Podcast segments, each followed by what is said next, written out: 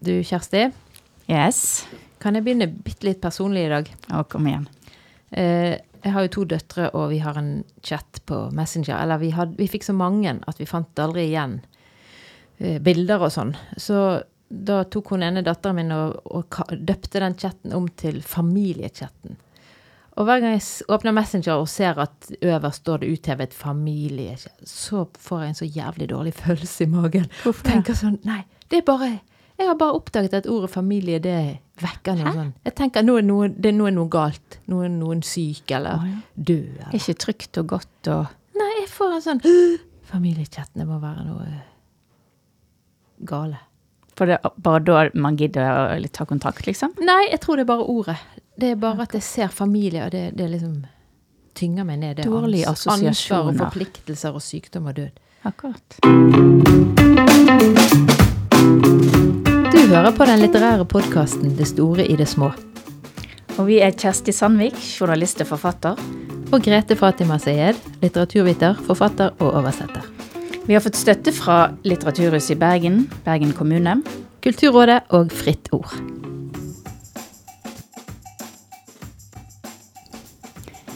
I dag har vi da valgt oss noen bøker som har familie som tema. Og forhold innad i en familie. Litt, litt i anledning jul, da. Det er jo familiehøytiden på godt og Ja. Det er, ikke, det er ikke så mye jul i de bøkene jeg har valgt, da. Jeg kan begynne med Britt Bildøen, som har skrevet en bok som heter Mitt milde vesen. Eh, Og den starter med moren som er kommet på gamlehjem, da. Og hun har slutta å snakke. Men ikke til alle, bare til datteren. Og det, det går igjen, altså I hele boken så lurer du på skal moren begynne å snakke. ja. Og så er det litt tilbakeblikk da til historien til moren. Nei, til denne lille familien med morfar og, og datter. Som hadde et drivhus i en bygd på, på Vestlandet. Jeg liker den. Den er veldig stemningsfull. Av og til kanskje kan en tippe litt mot litt sånn nostalgi, hvor idyllisk det var før på bygdene, men, men ikke, ikke. Hun gjør det uten å, uten å bli sentimental. Men kan jeg bare spørre, det å ikke ville snakke, det er jo et ganske sterkt virkemiddel. Veldig sterkt. Og hvert fall hvis det er bare til én person, for jeg ellers tenkte Hun er ikke dement eller har alzheimer? Nei, eller noe? det er hun ikke. Og hun kommer ut ifra dette sykehjemmet da på helt mot slutten. Men eh, Ja, det, det lurer du jo på hvorfor, og det lurer jo hovedpersonen. Hvorfor har hun sluttet å snakke med meg? Ja, for mor-datter-forhold er jo Med en gang popper det jo opp i mitt hode både Vigdis Hjorth og Sandra Lillebø og en haug med andre, men veldig ofte er det vel datteren som er sint på moren. Eller jeg vet jo ikke om moren er sint, men det høres ut som en slags straff å ikke ville snakke til henne. Hun er, litt, hun er sint, og så kommer det faren inn her òg, for å si når han er helt vekke.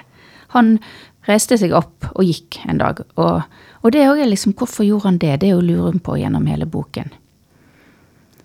Og så får vi ikke helt svarene. Jeg vet ikke om jeg vil svare på Nei, det. ikke gjør det, da. For jeg vil jo gjerne lese den boken òg. Jeg har lest Altså, Britt Billøen har jo flere vonde familiehistorier. Jeg har lest den 'Tre veger til havet', som kom i, for to år siden. Ja. 2018. Og der er det jo adopsjon som ikke går, Mm. og som eh, forfatteren har sagt at det er hennes egen livshistorie, eller tett opp til det private livet. Det er nå kanskje ikke så viktig, men Men det kan du vel håper jeg, komme fram et sinne mot eh, og en avmakt. Absolutt. Hun er jo ganske rabiat. Hun, eh, altså, hun blir jo Hun begynner nesten å Eller begynner å ståke myndighetene, autoritetene, som har sagt nei til denne adopsjonen. Da. Så det er ganske rått. Men så har jeg jo eh, noen gule lapper her, så ting som, er, som forteller litt om, om boken. Denne Mitt milde vesen. Jeg vet ikke om jeg sa det i starten en gang, men det heter den i hvert fall. Mitt milde vesen. Kom ut i 2007. Så hun går jo da på besøk til moren på gamlehjemmet og tar med seg tanten, og tanten prøver liksom å overtale eh, moren, altså sin søster, til å snakke med datteren, men ingenting hjelper. Og så, så, så står det, skal jeg lese litt, mor smiler ikke nå heller. Sjøl når jeg forteller om alt det vittige Frida sier og gjør. Frida det er da datteren til hovedpersonen. For bare få måneder siden kunne vi glede oss og skratte sammen over slike ting. Men noe må jeg si når jeg først er der inne på sykehjemmen, så jeg legger ut om alt jeg kan huske har skjedd siden sist. Jeg fester blikket på veggen rett ved hovedet hennes og durer i vei. Når de ikke har mer å fortelle, rusler jeg rundt i rommet, flytter på ting, stirrer ut gjennom glasset. Den mistrøstelige utsikta. En stor, tom parkeringsplass omgitt av pistrete bjørker, gule og nesten bladløse på denne tida av året. Så det er veldig beskrivende, man kan kjenne seg igjen her. Sant? Og det er jo det man kanskje gjør når man er på besøk på gamlehjem. Ikke får så lett å få en dialog, så sitter man og forteller om det som har skjedd siden ja. sist. Og så er det noe litt ensomt, tenker jeg, i hvert fall når du ser ut vinduet og på en parkeringsplass og ja. pistrete bjørker. Det er jo, det, jeg ser for meg litt hvileløs vandring omkring på sykehjemsværelset, da. Ja. Mm. Men du sa at hun kom ut igjen. Det er jo vel ikke der det pleier å ende, den eh, reisen Nei. til sykehjemmet? Nei, sant, fordi at hun var jo hun var, jo ikke, hun var jo ikke så sjuk likevel. Altså, det er pga. faren da at hun har gått inn i en slags Depresjon? Eh, ja, sikkert. Og, og, og hun snakker med han, og, og så, så, man tror jo at hun er dement og, ikke klarer å eh, bo alene. Men så, men så, viste det seg at det var feil når hun fikk riktig behandling. Så der har du òg en historie som som er, er, viktig å fortelle. Men, men, det der med sinne For det, det, handler jo om at uh, denne hovedpersonen, altså tittelen 'Mitt milde vesen', hun har aldri sjøl fått lov til å være sint. Nei, det, det, er datteren som sier, som snakker om ja. sitt milde vesen. Ja. Jeg er ikke sint. Jeg har aldri fått lov til å være sint. En kan ikke være sint på en far som først er sjuk og sier han er borte. Det var den faren da som mm. forsvant. Jeg kan ikke være sint på en mor som har mista så mye. Raseriet mitt har måttet transformere seg til ulike typer væsker, tårer, slim, galle. Kanskje må jeg prøve å gråte ut disse skumle væskene, porsjonere det ut som tante Aud, med tre faste tømminger hver dag. Ja, den er jo interessant. Sinne og det å ikke ha tilgang til det. Da ligger det mye under og ulmer og bobler. Ja, og det er kanskje litt sånn generasjoner, for dette her står det bare en, altså en setning til. Én ting er sikkert, min egen datter skal få lov til å være sint. Du, Jeg skal la henne rase når hun trenger det. Ja. Det er interessant, men det er noe med den type følelser, for det kan bli feil òg når det tilsynelatende er fritt, sånn som det du sa med at uh, hun tanten slipper de ut tre ganger om dagen. Da blir det òg på en måte kunstig, selv om det, det, er jo noen mennesker som på en måte skryter litt av at de har så lett tilgang til følelsene sine, og, og kan bli, både sint og grine på kommando omtrent. Ja, Men det må jo henge fast med kjernen. Ja. Hmm.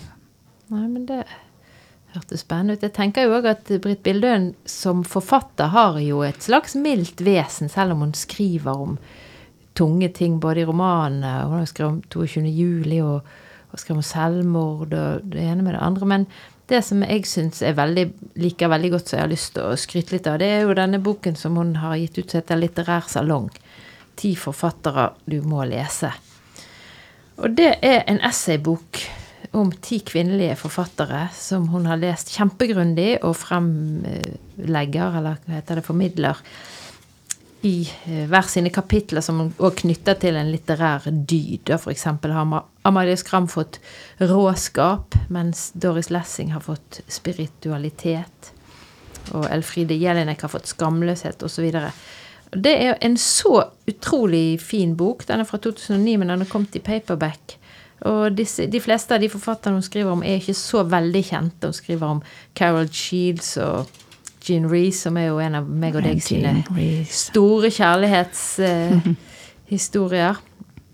Men um, det syns jeg Men er det en rød tråd i hvorfor hun har valgt akkurat de, eller er det Det er, tror jeg, at hun syns de er gode, og hun syns de fortjener litt ekstra oppmerksomhet.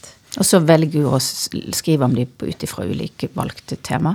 Ja, ut fra det hun altså Bildøen kaller litterære dyder. Mm. Så hun, hun, tildeler de eh, altså Gertrud Stein, som er kapittel én, som jeg har jobbet med, har fått stormannsgalskap. Du kan jo selvfølgelig diskutere om det er en dyd, men, men i litterær sammenheng mener hun vel at det mm. kan trenges, og kanskje særlig for en kvinne, da. Hvis du først skal forvente at noen interesserer seg for det du har å si, så må du gjerne være litt stormannsgal. Skal vi gå mm, videre på en annen norsk flott forfatter som Det kan vi. har skrevet om eh, familieliv? Ja, det syns jeg vi skal. Jeg har med en eh, noveller i samling her av Ingvild Rishøi. Så mens vi er i det skrytende hjørnet, kan vi jo bare lasse på med skryt om denne forfatteren som ikke har skrevet så mange bøker. Tre novellesamlinger og noen barnebøker. Men de er jo så fantastisk gode. Hun debuterte i 2007 med en bok som het La stå.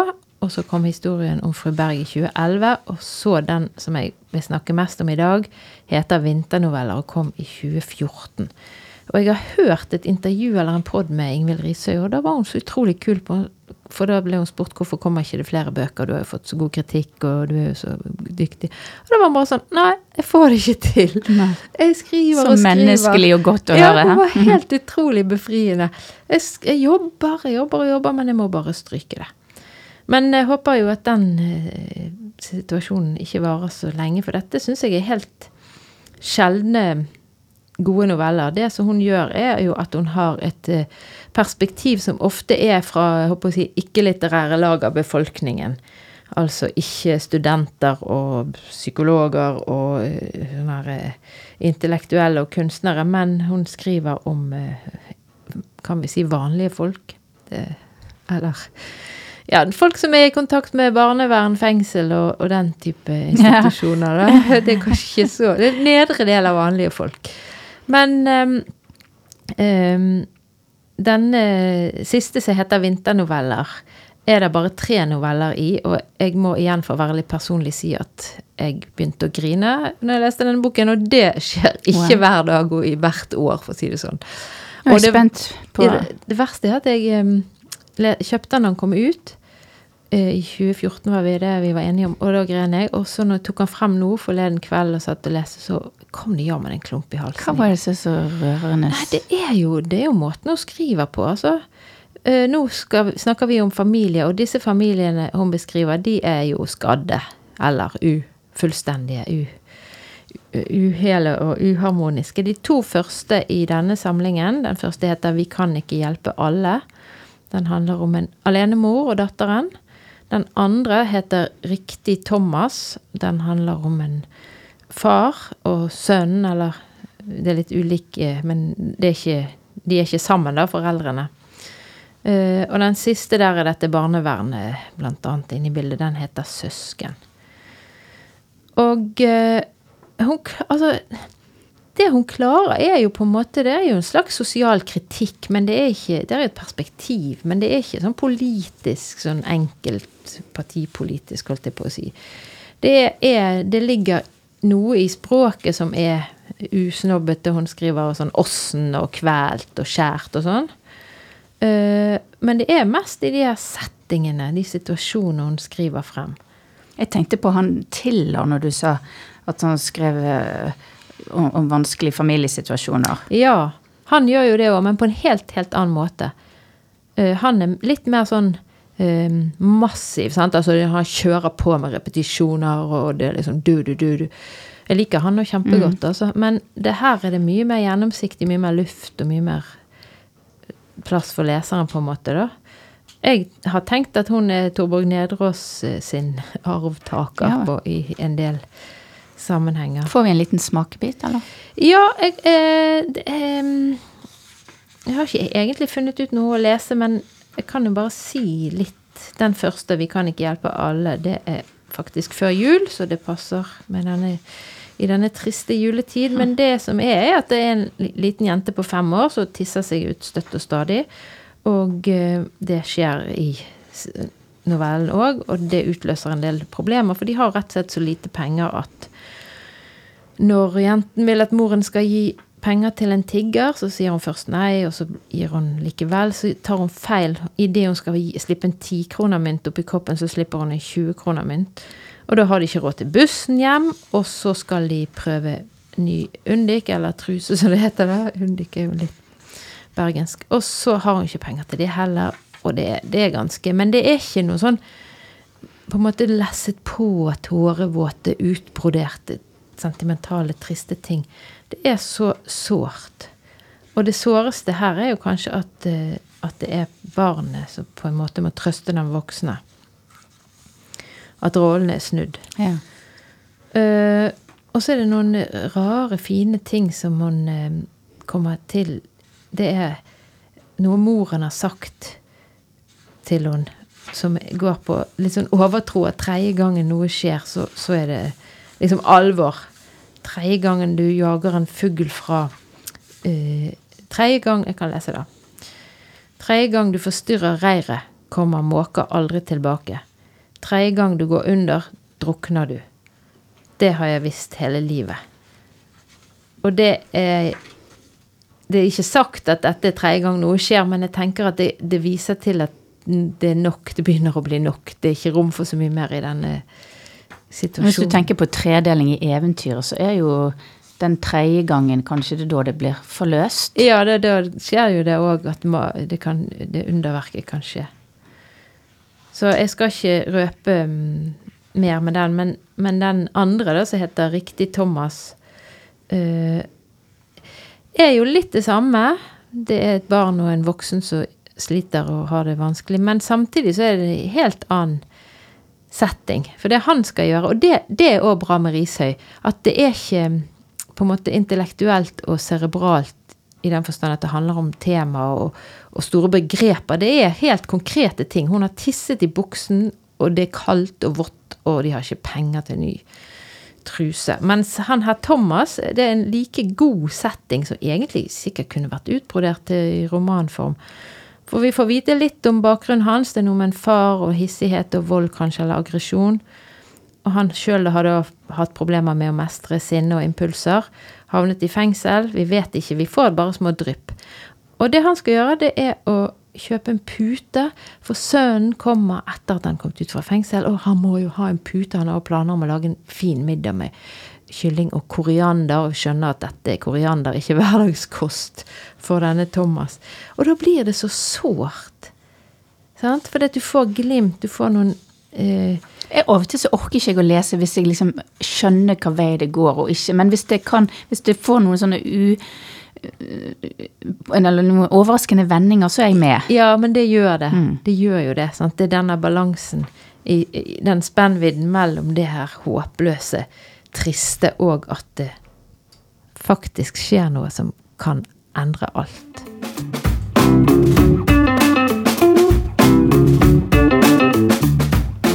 Så har jeg lyst til å snakke litt om Roy Jacobsen. Han er jo aktuell med sin eh, familie, familiehistorie. Først var det en trilogi som begynte med De usynlige, og det er den jeg har med meg. Men nå har han jo skrevet en fjerde bok òg som henger litt sammen med de andre, har jeg skjønt. Den skal jeg ønske meg til jul. Ja, den står på min liste. Jeg har lest de tre, jeg òg. Du har lest alle tre? Den Jeg tror trilogien? Ja, ikke den tredje. Rikets øyne, var det den het? Ridelsøyne. Rigelsøyne. Rigelsøyne var Ja. det. Men Hvitt havet og De usynlige har jeg lest. Og Bare en mor skal jeg lese. Og Seierherren fra 1991 må ikke vi glemme. Ja, det var jo en mastodont. Men jeg må bare tenke enda lenger tilbake var vel Roy Jacobsen òg litt i det sosiale landskapet som eh, Ingvild Rishøi. Han har noe fengselsgreier, han òg. Ja, Jeg lurer på om ikke det rett og slett til og med er selvopplevd, men det kan vi jo sette i parentes. Men dette her òg er jo med litt sånn eh, I hans røtter. er Han er ved på Helgelandskysten, hvor han har familie. Så han var der hvert sommer, har jeg hørt han si på radiointervju. Um, og han skriver jo om eh, oppvekst en, hos en familie som bor på en øy. Bærøy. Um, og da, da blir det jo den liksom fortetta verden på denne øyen, da, der på et, eller annet sted så sier det alt som kommer rekene inn til øya, er øyboerne sitt. Så de drar, ja, nytter seg av rekved og alt mulig som kommer. Men um, så handler det om Ingrid, da, som er omtrent tre år når boken starter, og rundt 20 når, hun, når boken, eh, denne boken er slutt. Og det er under andre verdenskrig, er det ikke det? Mellomkrigstiden. Ja, det begynner Ja, for jeg husker Det skjer jo noe dramatisk, i hvert fall under mellomkrigstiden. Nei, under krigen, men det begynner før, da. Ja, det begynner før. Ja. Og det er jo ikke så lenge siden, altså hvis du går liksom tilbake i din egen familie, at folk levde på eh, sånne karrige plasser der man måtte klamre. Altså naturen ja, og været betyr jo enormt mye. Ja, men nå må jeg være personlig for tredje gang i dag. I går så var jeg ute hos min mor, og hun hadde fått en sånn historieskrift fra Nordholland. Og det viser seg at der som vi har hytte, litt borti lia der, det går ikke engang an å se at det har vært et hus, men på, helt opp til 44, tror jeg det var, så sto der et hus, og der bodde en som het Lina i ba Bastelia, eller hva det var. Og hun hadde skrevet dagbok som det var gjengitt av i det historieskriftet. Og det var så trist. Det var bare sånn Fikk noen egg og den og den, og fikk et spann melk. Hun var rett og slett lutfattig. Og, og gikk, hun gikk i sånn pinsevennmøter, og, og det var det, liksom. Og i posten, nesten hver dag, gikk i posten, der var ingenting. Vi har ingenting å klage på her vi Nei. sitter her. Men det var et eh, innskudd.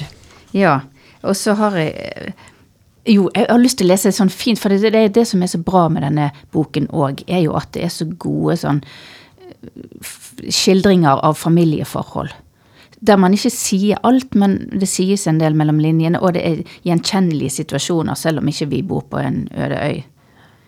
Så da er de da altså ute og, og, og hesjer, eh, moren og faren. Eh, Og så er Ingrid da som er denne jentungen, og så spør faren. Hvor er jentungen?